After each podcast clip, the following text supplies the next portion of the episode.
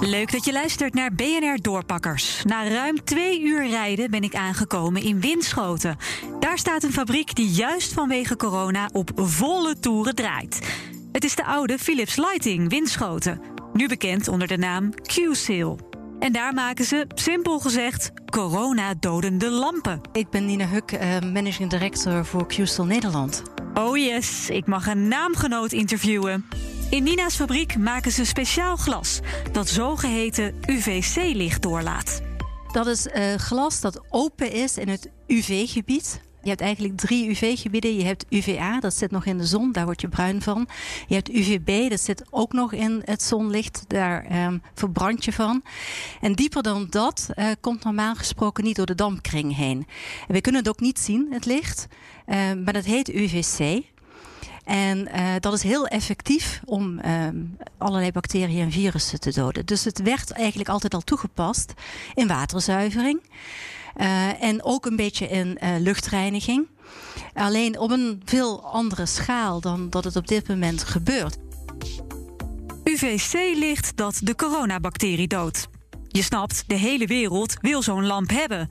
Maar daarvoor heb je dus dat speciale glas van Q-Seal nodig. Inderdaad. Dus als wij ons glas niet konden maken, dan hadden onze klanten eigenlijk geen basis waarop ze deze lampen kunnen maken. Dan wil ik nou willen zien hoe hard die glasovens branden. Met een veiligheidsbril en speciale schoenen mag ik de snikhete fabriek in. Vertel, wat zie ik hier? Uh, hier zie je uh, het uiteinde van onze glasproductie. Dus dat is een hele lange baan waar alle buizen overheen komen. En waar onze mensen kijken of het glas goed genoeg is om in te pakken. En als je naar het glas kijkt, ziet het er gewoon uit zoals je denkt dat glas eruit hoort te zien. Dus het heeft geen kleurtje. Je kunt er gewoon doorheen kijken. Het ziet er inderdaad uit als een TL-buisje. Dus dit glas wat hier voorbij mij rolt, komt allemaal rechtstreeks uit de oven? Dit komt allemaal rechtstreeks uit de oven. Mag je ook niet aanraken, nee, het is gewoon nog echt warm. Ja. Het wordt ook steeds warmer. En naast mij komen eindeloze meters glas voorbij, die dus uit de oven komen. En die dan naar uh, het eindstation gaan, waar ze worden ingepakt door de operators.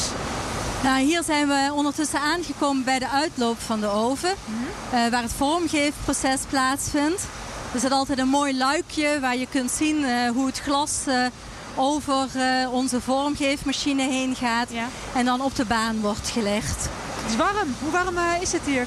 Uh, hier ja, valt het nog best wel mee hoor. Ik uh, denk dat het hier 40 graden is, 45 graden is. Je voelt hier de directe stralingswarmte van de oven komen. Ja. de oven zelf die staat rond de 1200 graden. 1200 graden. Ja, als we nu nog verder lopen, dan ga je voelen hoe warm het boven echt is. Oei, oei, oei, oei. Hierachter ligt de oven. Dat is, moet je je voorstellen, echt als een gemetselde ruimte, maar dan van bijzondere stenen. En hoe groot is die oven? Als we praten nee, die is heel meters? klein. Uh, ik denk dat deze oven niet groter is dan uh, 15 tot 20 vierkante meter. Nou, vind ik een aardig grote oven hoor. Die heb ik thuis niet. Nee, dat klopt. Thuis niet, maar als je dat vergelijkt uh, met de echte grote glasindustrie, is dit een babyoventje. Ja, echt waar? Echt waar. En waarom kies je dan niet voor een grotere oven op zo'n moment als dit? Omdat deze hele fabriek afgestemd is op producten die juist in de minder grote hoeveelheden gemaakt worden. Ja. En wij kunnen heel snel wisselen naar allerlei andere recepten. Dus je draait nu alleen maar UVC-glas? Dat is alleen maar. het enige wat nu wordt gemaakt? Ja. En dan nog is er een mega wachtlijst? En dan nog is er een mega wachtlijst.